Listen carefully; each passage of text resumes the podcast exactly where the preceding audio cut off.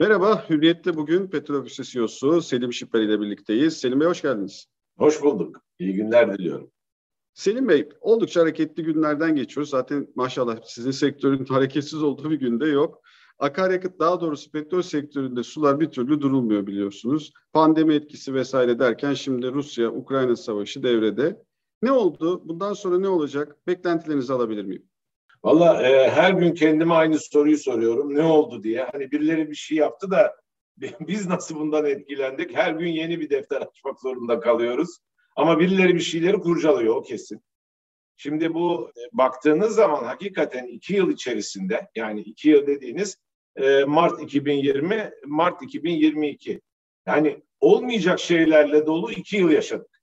Hani herhalde hiçbirimiz bundan sonraki hayatımızda bir pandemi dönemi daha inşallah yaşamayacağız. Hani böyle dünyanın kapandığı, bütün e, sınırların bilmem kapandığı. Yetmez e, şimdi e, hani burnumuzun dibinde bir savaş durumu var. Hani nereye gittiği de belli olmayan bir savaş. Çünkü gittikçe böyle bir hani sanki durum kabullenilmiş gibi görünüyor ama bir sonucu olan bir şey değil. Velhasıl bütün bunlar maalesef başta petrol olmak üzere pek çok başka ekonomik hayata direkt etkisi olan hem emtia olarak hem de finansal enstrüman olarak etki eden pek çok şeyi çok negatif etkiliyor. Bugün için söylenebilecek en doğru teşhis bence valla ne olacağını kimse bilmiyor. Yani fevkalade belirsizliklerle dolu günlük pozisyonlar alarak ve günlük durumları sadece o günün o 24 saatin çerçevesinde değerlendirebildiğimiz bir e, dönem yaşıyoruz. Bir de bunun üstüne tabii bizim ülkenin bir özel ekonomik şartları veya içinde bulunduğu durumlar binince e, bütün bütün böyle içinden çıkılmaz. Hani hakikaten bugünden yarına ancak yaşayabildiğimiz, önümüzü fazla göremediğimiz, açıkçası artık hani önümüzü görme gayretini bile bir kenara bıraktık. Bugünü yaşayıp bugünü kurtarmanın peşinde koştuğumuz, insana huzur vermeyen, olumsuz ama hiçbir şekilde ümitsiz olmamamız gereken bir dönem yaşıyoruz. Açıkçası bu. Ha, petrol fiyatı derseniz hani e, eminim buna geleceksiniz. Vallahi kimse bilmiyor bunun ne olacağını. Ama büyük bir ihtimalle bugünkü şartlar hüküm sürdüğü müddetçe yani çağ değiştirici büyük bir değişiklik olmazsa büyük bir ihtimalle bu petrol fiyatları bir aşağı bir yukarı e, inecek çıkacak ama hani inip çıkacağı yerlerde ne? Yüzle yüz elli arası. Yüzün altını görmesi bundan sonra e, en azından önümüzdeki 6 ay içerisinde pek olası görünmüyor. Ha inebilir de yani 98'e indiğinde gördük e, bundan bir hafta 10 gün evvel. Ama hani 90'ın altını görmez. Ama e, nerelerde olur? Vallahi değişik e, rivayetler var. 300 diyen var, 180 diyen var, 110 diyen var. En iyisi hiçbir tahminde bulunmamak. Önümüze geldiği zaman yani saç kesilip öne düştüğü zaman göreceğiz renginin ak kara olduğunu. Dünyanın ne olacağını öngöremiyoruz ki petrol fiyatını öngörelim. Yani. Çünkü bugün dünyanın ne olacağını gösterebilecek dirayette şeyler de yok. E, güçler de yok artık. Öyle kendiliğinden oluşan bir dünyada yaşıyoruz. Şimdi hazır siz fiyat konusunu açmışken tabii ki e, petrol fiyatları konusunda bir öngörüde bulunmak bu dönemde tahmin etmek çok güç ama Türkiye'de de akaryakıt fiyatları mecburen petrol fiyatlarına endeksli bir seyir izliyor. Ama e, onun da kendi içinde bir takım formülleri var. Ben size bir de hani sektörün e, en içinden ve en yetkin isimlerinden biri olarak sormak istiyorum. Türkiye'de akaryakıt fiyatları e, nasıl oluşuyor? Bir onun üzerinden geçersiniz. Bir de burada EPDK'nın rolüne bizi dinleyenlerin anlaması açısından siz öyle kendi üslubunuzda çok da güzel anlatırsınız. Bir dinleyelim sizden. Türkiye'de şu anda geçerli olan bu akaryakıt piyasasını vesaireyi düzenleyen kanun 2005 yılında çıktı. Ve bu 2005 yılında çıkan petrol piyasası kanunuyla da EPDK dediğimiz düzenleyici bir kurum oluştu. Bu Avrupa'da veya diğer ülkelerde de olan regülatör yani oyunun kurallarını belirleyen kurum. Aynı zamanda da bazı denetleme görevleri var. Şimdi bu kanun esasına bakarsanız Türkiye'de akaryakıt fiyatlarının serbest bırakılması kanunudur. O güne kadar, o güne kadar sektörün ve sektör bileşenlerinin hep şikayetçi olduğu marjlar vesaireler hatta pompa fiyatları Petrol İşleri Genel Müdürlüğü tarafından belirlenir. Efendim e, belirli bir marjda istasyonlara ve dağıtım şirketlerine bırakılırdı. Hatta Amerikan doları bazında bırakılırdı. Ee, yanlış hatırlamıyorsam böyle 11 sent gibi litrede bir pay vardı. Bunu dağıtıcı ve e, istasyonlar paylaşırlardı. Şimdi bu kanunla birlikte bu serbest bırakıldı ve fakat e, stratejik bir sektör olduğu için hiçbir zaman akaryakıt fiyatlandırması veya akaryakıt piyasası başıboş bırakılacak bir piyasa değildir. Yani devlet demesek de özel bir kurumun denetlemesine tabi olması fevkalade doğaldır, hatta yararlıdır. Çünkü başıboş kalmamalıdır. O nedenle EPDK'nın burada çok önemli bir rolü var. Hangi rol bu? Kanunun öngördüğü e, formüllerin veya mekanizmanın uygulanıp uygulanmadığını temin etmekten sorumludur EPDK. Şimdi burada akaryakıt fiyatı belirlenmesinde kanunun öngördüğü çok açık ve net bir formül var. O da şu. Türkiye'de istasyonda uygulanan pompa satış fiyatının başlangıcı rafineri satış fiyatıdır. Yani Türkiye'de bizim malum Tüpraş ve Star rafinerisi var. Bu rafinerilerin dağıtım şirketlerine sattığı fiyat bu işin başlangıcını temin eder. Yani ee, petrol fiyatı değil. Petrol fiyatı değil, hayır. Rafineri ee, fiyatı. Rafinerinin benzin ve dizel fiyatı, motorin fiyatı. Bu fiyatlar nasıl belirlenir? Yani rafineri bunu nasıl belirlenir? Esas kontrol altına alıp formülize edilmiş olan taraf budur. Kanun aynen şunu öngörür. Bizim Türkiye Akdeniz piyasası fiyatlandırmasına bağlıdır. Yani Cenova'da Platts diye hepimizin bütün dünyadaki ülkelerin kabul ettiği bir e, borsa diyelim veya fiyat yayınlayıcısı vardır. Günlük olaraktan bu o havzalar için bu çünkü havza havza belli olur.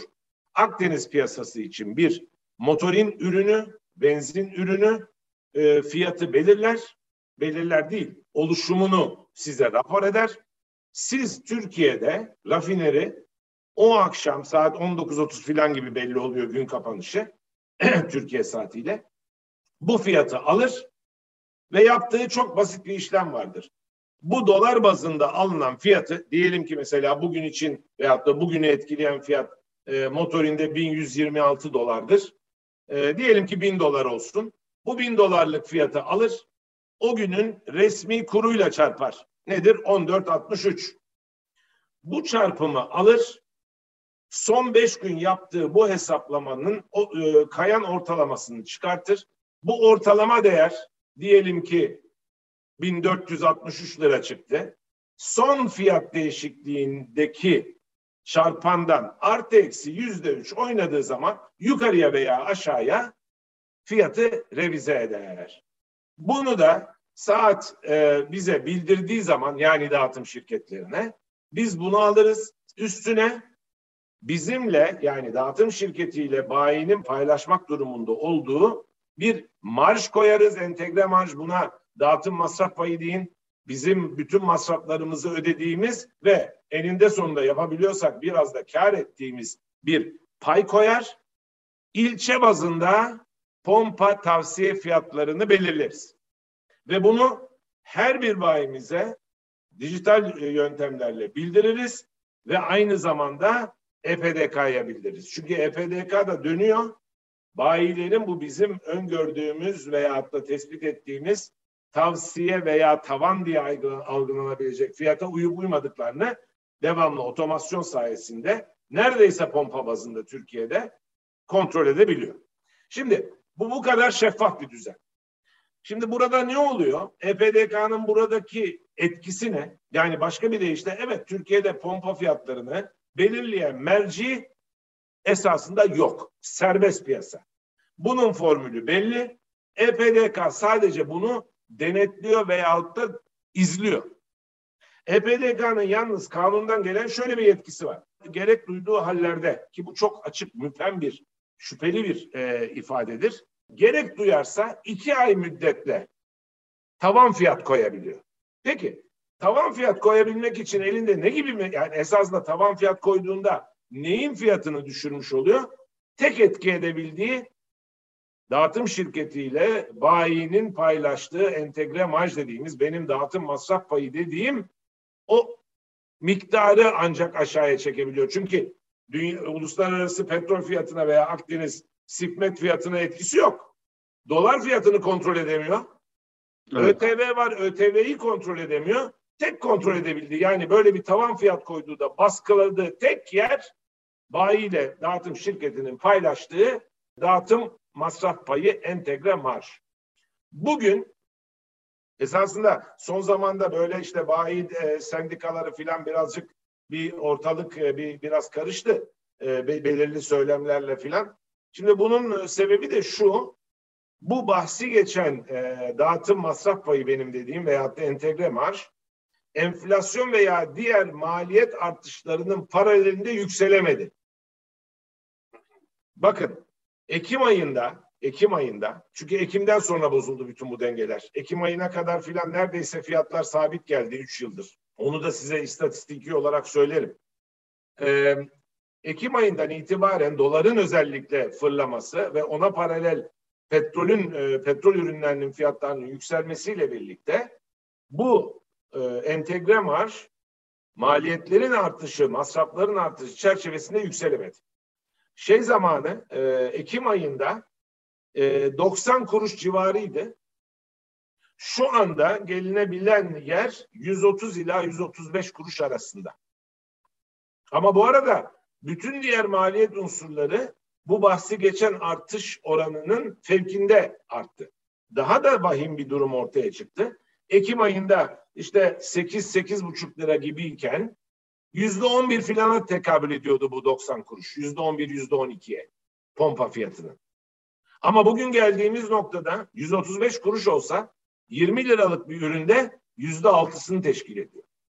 Yani bugün EPDK bu fiyatlara müdahale edecek olsa ki esasında kanunun öngördüğü, kanunun ruhu devamlı müdahale edilmesi değil bu fiyatlara. Serbest piyasa, serbest fiyat. Etse eninde sonunda bu 130 kuruşu efendim 20 kuruş mu düşürecek? Ya 20 lirada 20 kuruş artık solda sıfır kaldı. Yani etkisi gittikçe azalmaya başladı. Çünkü bu toplam marjın toplam fiyat içerisindeki yüzdesi dediğim gibi yüzde altılarda. Siz yüzde altının birini alsanız ne yazar, ikisini alsanız ne yazar. Ama şirketleri ve e, bayileri çok büyük sarsar. Şimdi bakın size bazı rakamlar vereyim çok ilginç. Diyorum ya Ekim'den sonra her şey alt üst oldu. Şeyden bahsedeyim izin verirseniz Sefer Bey bilmiyorum e, ilginç bir mevzu çünkü bu. Çünkü herkes kendine göre bir hikaye yazıyor buna rakamları bilmeden veya rakamları yok varsayarak.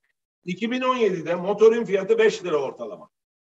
E, 4.20 ile başlamış, e, 5.30'lara kadar çıkmış, ortalaması 5 lira. 2018'de 5 lira ile 6,5 lira arasında oynamış. 2019'da 5.60 ile 6,5 lira arası oynamış. 2020'de 4,5'lara indi. Hatırlarsınız o Mart Nisan ayında düştüğünde. 4,5'a indi. 6,5'la bitirdi yılı. 2021'e 6,5'la başladı. Eylül'e kadar filan 7.25'e doğru geldi. Fakat ondan sonra Kasım ayına 8 lirayla başlayıp yılı 12,5 lirayla bitirdi. Neden bu bir anda 8'den 12,5'a çıktı? Hatırlayınız doların 4 nala e, şahlanıp 15-16 e, liraya fırladı.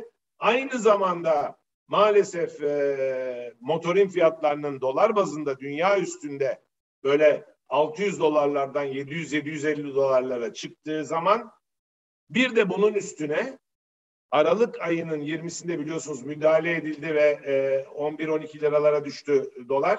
Fakat o noktada hatırı sayılır böyle 2 liraya yakın bir indirim geldi ama tekrardan sıfırlanmış olan ÖTV geri kondu.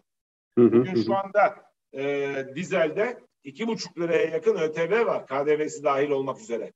Bu Ekim ayında sıfırlanmıştı. Sıfırdı yani. Şimdi yani bugün Ekim ayının şartları devam etse esasında 22 lira olan e, motorinin 19,5 lira olması gerekiyor. Eğer ÖTV sıfır devam etseydi. Fakat bu ortadan kalktı. ÖTV geri geldi. Şimdi diyeceğim şu buradan alınacak, e, buradan çıkan sonuç. Birincisi hep deniyor ya efendim işte fiyatlar artarken siz hemen arttırıyorsunuz, düşerken düş, e, indirmiyorsunuz. Böyle bir şey yok. Bu rakamı bilmeden mekanizmayı bilmeden e, sadece popülist bir takım söylemden ileri gidecek bir şey değil. Bu işin size söylediğim formülünü beş günlük kayan ortalamasıdır. Yani ben arttırmam gereken günde arttırmıyorum. Bu beş günlük ortalamayı beklemek zorundayım. Kimse bunu görmüyor.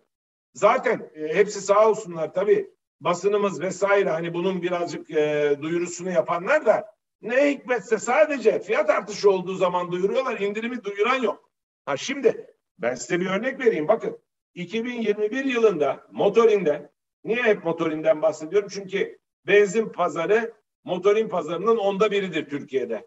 3 milyona 30 milyon. Hı hı. O yüzden hani Türkiye'nin akaryakıt e, şey dediğiniz zaman motorin konuşacaksınız. Toplam 2021 yılında 24 kez fiyat değişikliği olmuş. Bunun 19'u yukarıya göre doğru, 5 tanesi aşağıya doğru. 1 Ocak 2022'den bugüne kadar toplam 28 değişiklik oldu.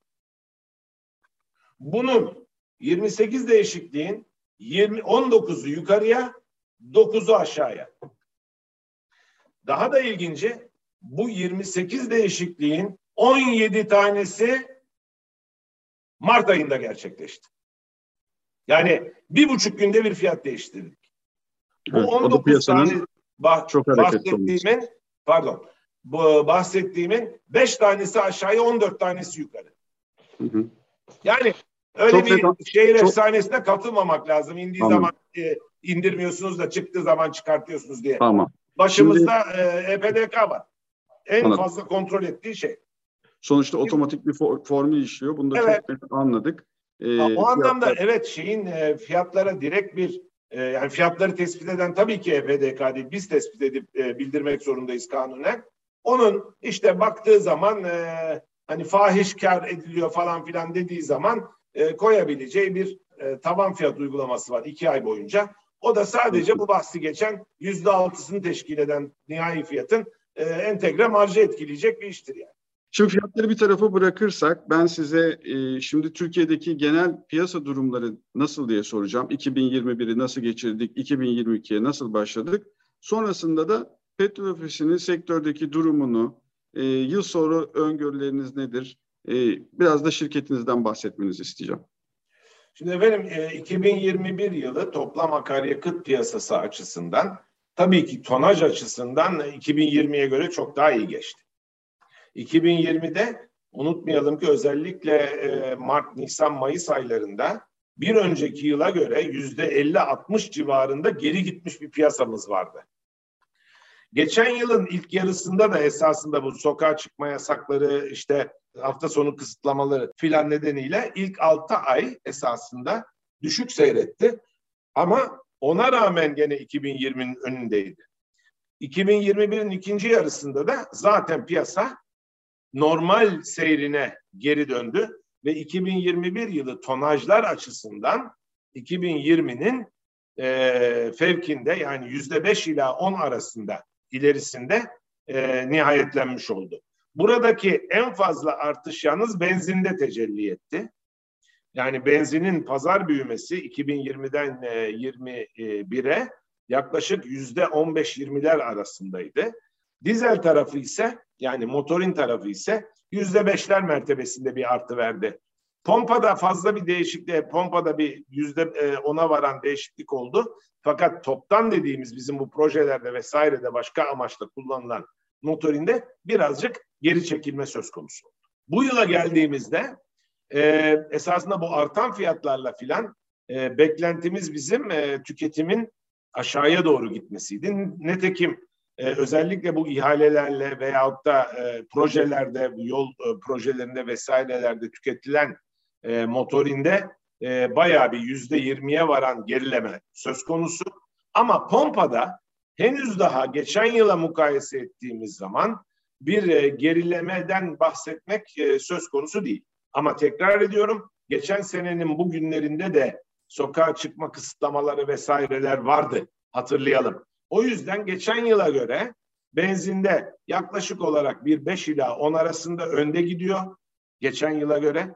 E, motorin ise yüzde 3 ila 5 arasında geçen yılın önünde gidiyor. Dolayısıyla tonajlar e, henüz daha e, dramatik bir şekilde aşağıya doğru gelmiş değil. Ama ekonomik şartlar böyle gittiği müddetçe e, büyük bir ihtimalle insanlar biraz daha tasarruflu araç kullanma cihetine gidecekleri için burada hani en iyi ihtimalle geçen yılın paralelinde bir şey olacak. Normalde e, Türkiye pazarının yüzde beş mertebesinde büyümesi beklenir e, araç sayılarının artışı vesaire çerçevesinde.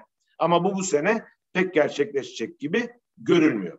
Geçen sene e, 2020 yılında dağıtım şirketleri esasında stoktan büyük zararlar yazdıkları için 2020 yılı karlılık açısından kötü bir yıl olmuştur. 2021'e geldiğimizde bu stok zararları tabii bu sefer stoktan dolayı bir artışlar e, stokdan kar edilme cihetine gidildi. Tabii bunun vergisi falan ödeniyor. E, e dolayısıyla geçen sene e, 2020'ye göre daha iyi bir finansal neticenin ortaya çıktığı yıl olurken EPDK Mart ve Nisan aylarında tavan fiyat uygulaması yaptı ve hem bayilikler hem dağıtım şirketleri e, esasında hani günü kurtarıp başa baş noktasını tutturmak için bu dönemi yaşadılar. Daha sonra yavaş yavaş da olsa marjlar arttı ama beklenilen e, gelir ve hatta e, karlılık elde edilemedi. Ama zaten bizim pazarımız e, o kadar küçük marjlarla çalışıyoruz ki zaten sürümden kazanılan bir pazar. E, o bakımdan hani artan tonajlar çerçevesinde esasında hani hamdolsun denilebilecek bir yıl yaşandı. Ama Kasım Aralık aylarında tabii artan enflasyon ve işte kurlar vesaire ortalık toz duman olunca maalesef e, negatife düşme söz konusu oldu tekrar ve yıla da 2022 yılına da bu ruh durumuyla başladık. Halen daha biraz marjlarımızı yerine koyabilmiş olsak da halen daha umulandan veya olması gerekenin gerisinde bir e, seyir izlemekteyiz maalesef. Peki petrol ofisi ne durumda? Bu. Petrol ofisi ne durumda? Petrol ofisi olarak bizim e, durumumuz, bizim tabii tonajımız yüksek olduğu için en azından biz hani günü kurtarıp e, gemiyi uzun vadeli hedeflerine doğru gene de yöneltebiliyoruz. E, biz çünkü istasyon sayısını e, her şeye rağmen arttırabilen bir şirketiz. Artı e, ikmal gücümüzle yani terminal altyapımızla vesaire bu, bu e, altyapı gücümüzle halen daha yüksek tonajlı e, bir takım kullanım alanlarına ürün verebilir vaziyetteyiz. Ha bu arada biz tabii e, akaryakıtın bütün e, segmentlerini kapsayan bir şirketiz. Mesela havacılık yakıtları. Geçen yıl e, havacılıkta tabii 2020'ye göre çok büyük mesafe kat edildi. Bu sene de şu ana kadar esasında havacılık satışta, havacılık ürünlerimiz e, satış, iyi satışlarına devam ediyor. İnşallah böyle gitsin ama işte bu Rusya-Ukrayna e, savaşı turizm sezonunu nasıl etkileyeceğiz? E, etkileyecek onu hep madeni, beraber göreceğiz. Madeni yağlarda da önemli bir madeni şey yağlar vardı. Devam ediyor mu? E, madeni yağlar enteresan bir e, konu. E, madeni yağlarda hem pazar organik olarak büyüyor fakat organik olarak büyümesi e, araç sayısının artışı ve de kullanım alanlarının gelişmesinden dolayı oluyor. Fakat petrol ofisi özeline baktığınız zaman biz zaten 2019'dan bu yana absolut olaraktan pazar liderliğini elde etmiş ve e, pazar liderliğini farkını diyelim ikinciyle farkını arttırarak e, devam eden bir şirketiz. Bizim e, bu büyüme potansiyelimiz e, artık bize çok faydalı maddi geri dönüşlerde de bulunuyor.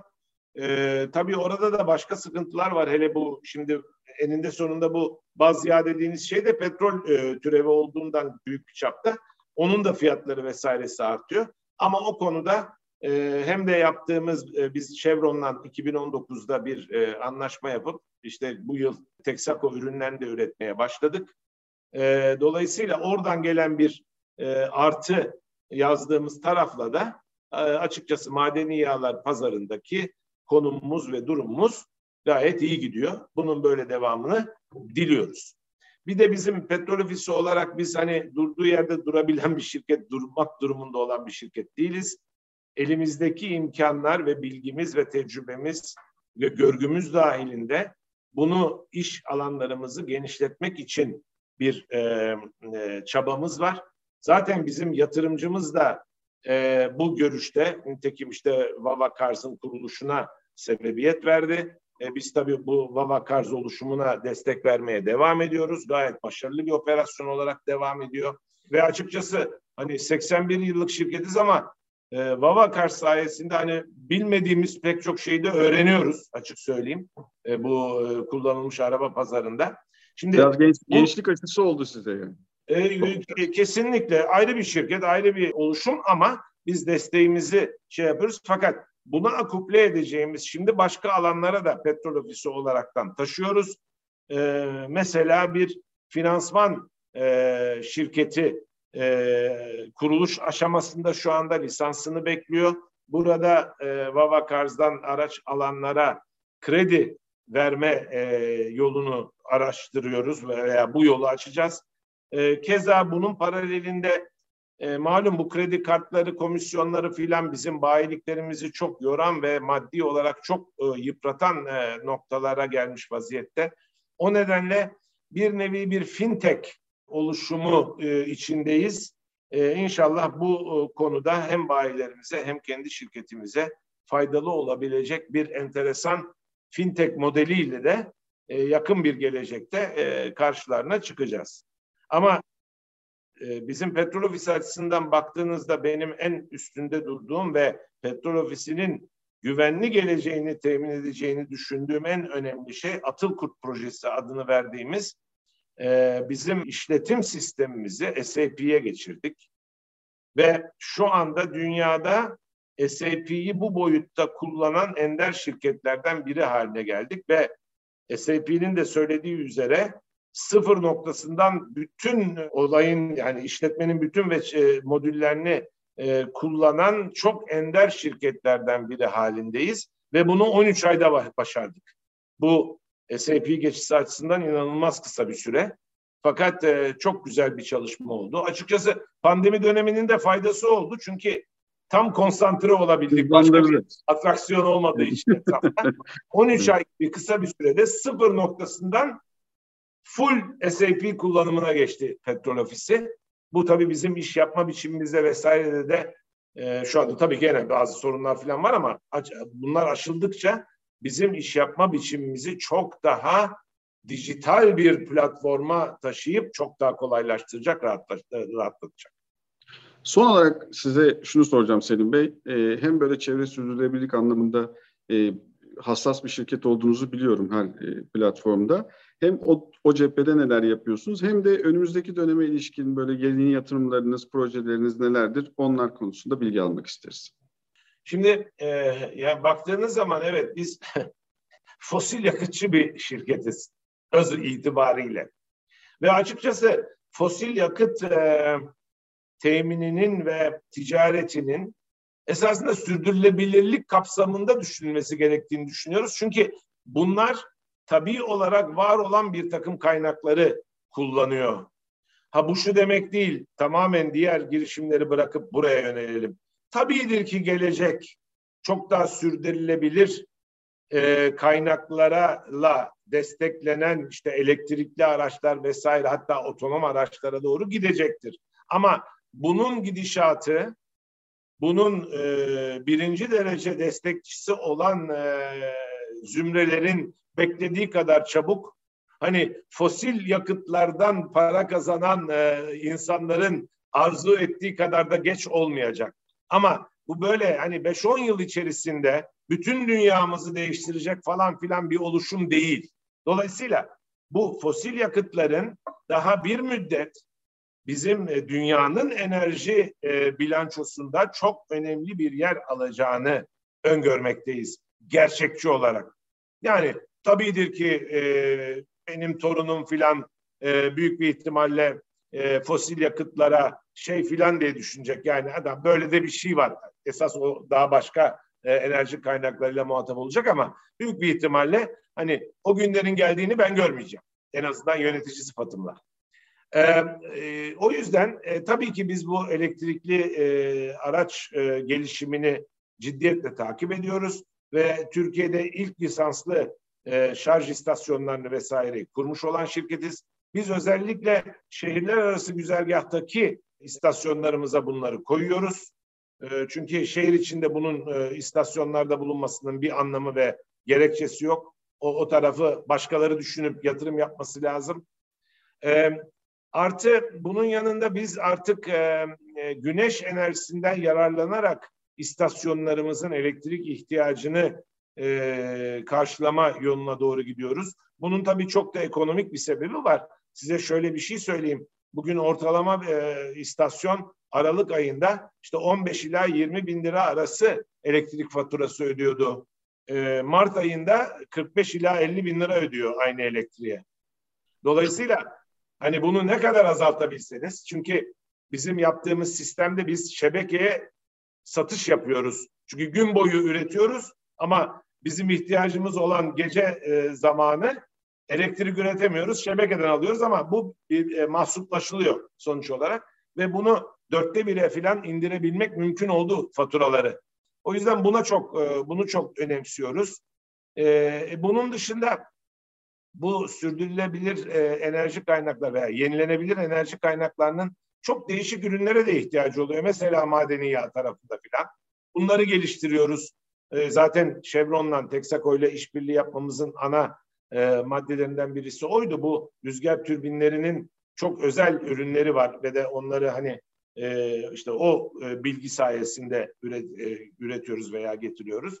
Dolayısıyla petrol ofisi olarak hani kendimizi de bir anlamda geleceğe doğru hazırlıyoruz.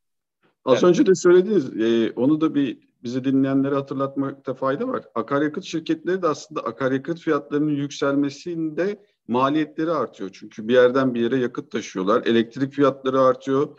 Aslında onların da maliyeti artıyor. O zaman e, şirketler de bu akaryakıt fiyatlarının artışını aslında çok e, istemiyor da diyebiliriz herhalde. Sefer Beyciğim çok açık ve net bir şey ifade edeyim. Benim gönlümden geçen bütün bu petrol ve e, ürün fiyatlarının hak ile eksan olması. ya ucuz olsun kardeşim. Bakın 1 Ocak 2022 günü bu motorinin e, bir e, tonu 700 dolardı. Şu anda 1125 dolar. Zaten ben, her şey anlatıyor. Ben 40 bin tonluk Asena gemimi, tankerimi doldurduğum zaman 28 milyon dolar bağlıyordum. Bugün 40-45 milyon dolar bağlıyorum. Bu ikisinin arasındaki farkı finanse etmek beni çok yoruyor. Yani sonuç olarak bu işletme sermayesidir. E bırakın onu. İşte bir asgari ücret arttı. Yüzde 50-55'ler mertebesinde. E, bugün baktığınız bir istasyon en hafifinden 15-20 kişiyle dönüyor. Doğru. Yani bu maliyetler bir kenara konuyor. E, elektrik fiyatları buna keza yüzde bilmem kaç artmış. Ve de herkes zaten bakın bu enflasyonun filan arttığı ortamlarda herkes kendi geliri enfla, en az enflasyonca artsın ve fakat başka hiçbir şeyin fiyatı artmasın diye düşünüyor. evet. Yine ben mi finanse evet. edeceğim herkese? Evet. Yani kusura bakmayın bu dizeli, bu benzini kullanıyorsanız bunun parasını ödeyeceksiniz. Bütün Avrupa ülkeleri, bütün dünya ülkeleri ödüyor. Ha şunu da söyleyeyim bakın haksızlık etmeyelim kendimize. Ya bugün yani çok uzun zamandan beri, te 2018'den 17'den beri ne zaman bu Eşel Mobil çıktı? Mayıs 2018'de. Mayıs 2018'den beri Avrupa'nın en ucuz akaryakıtı Türkiye'de. Ha şimdi bana kalkıp da kimse demesin. Ben bunu dediğim zaman diyorlar ki efendim ama sen işte Almanya ile falan mukayese ediyorsun. Oradaki asgari ücret biliyor musun nedir? Çok iyi biliyorum. Çok iyi biliyorum. O zaman ben şunu söylüyorum. Bulgaristan'la mukayese ediyorum. Bugün bir litre dizel Türkiye'de 22 Türk lirası en ucuzu. Yani baktığınız zaman yaklaşık olarak 1.30-1.35 euro sent eder. Öyle mi? Bulgaristan'da aynı gün 1.52. Bulgaristan'ın asgari ücreti kaç? 200 euro. 240 euro. Hı hı. Ben bunlarla mukayese ediyorum. Tabii ki affedersiniz Almanya'da 2.17 bugün. Motorin. O yüzden yani hakkaniyetli olmamız lazım. Türkiye 2018 yılının Mayıs ayından beri Avrupa'nın halen daha en ucuz akaryakıtını kullanıyor. Ne sebepten? Bir, ÖTV'si düşük diğer ülkelerden. Diğer ülkelerde ÖTV artı KDV yaklaşık olarak yüzde otuzunu filan teşkil eder nihai fiyatın. Bizde şu anda hani çok cüzi bir noktaya geldi böyle yüzde sekizlerde filan. E, ürün fiyatı aynı fiyat. Dolar kuruna bir şey demiyorum o bize has bir şey. Yani dolar kurunu tutamadığınız müddetçe, kontrol edemediğiniz müddetçe bu artacaktır. Ama demek ki Türkiye'de e, ürünün e, ürün, e, pompa fiyatının en ucuz olmasının iki tane sebebi var. Bir, vergi düşük. İki, bizim dağıtım masraf payı düşük. Yoksa bir Bulgaristan'da e, işte dediğim gibi size e, 1.52 iken ben 1.33'e nasıl satabiliyorum? Dağıtım masraf payımın düşüklüğünden ve verginin düşüklüğünden. O yüzden yani esasında burada devlet de uzun müddet sübvanse etti vatandaşı. Evet. Selim Bey çok keyifliydi sizinle sohbet. Çok teşekkür, teşekkür ederim. ederim. Çok sağ olun. Ee, bugün Hürriyet'te Petrol CEO'su Selim Şiper ile birlikteydik. Tekrar görüşmek üzere. Sağ olun. İyi günler diliyorum. İyi günler.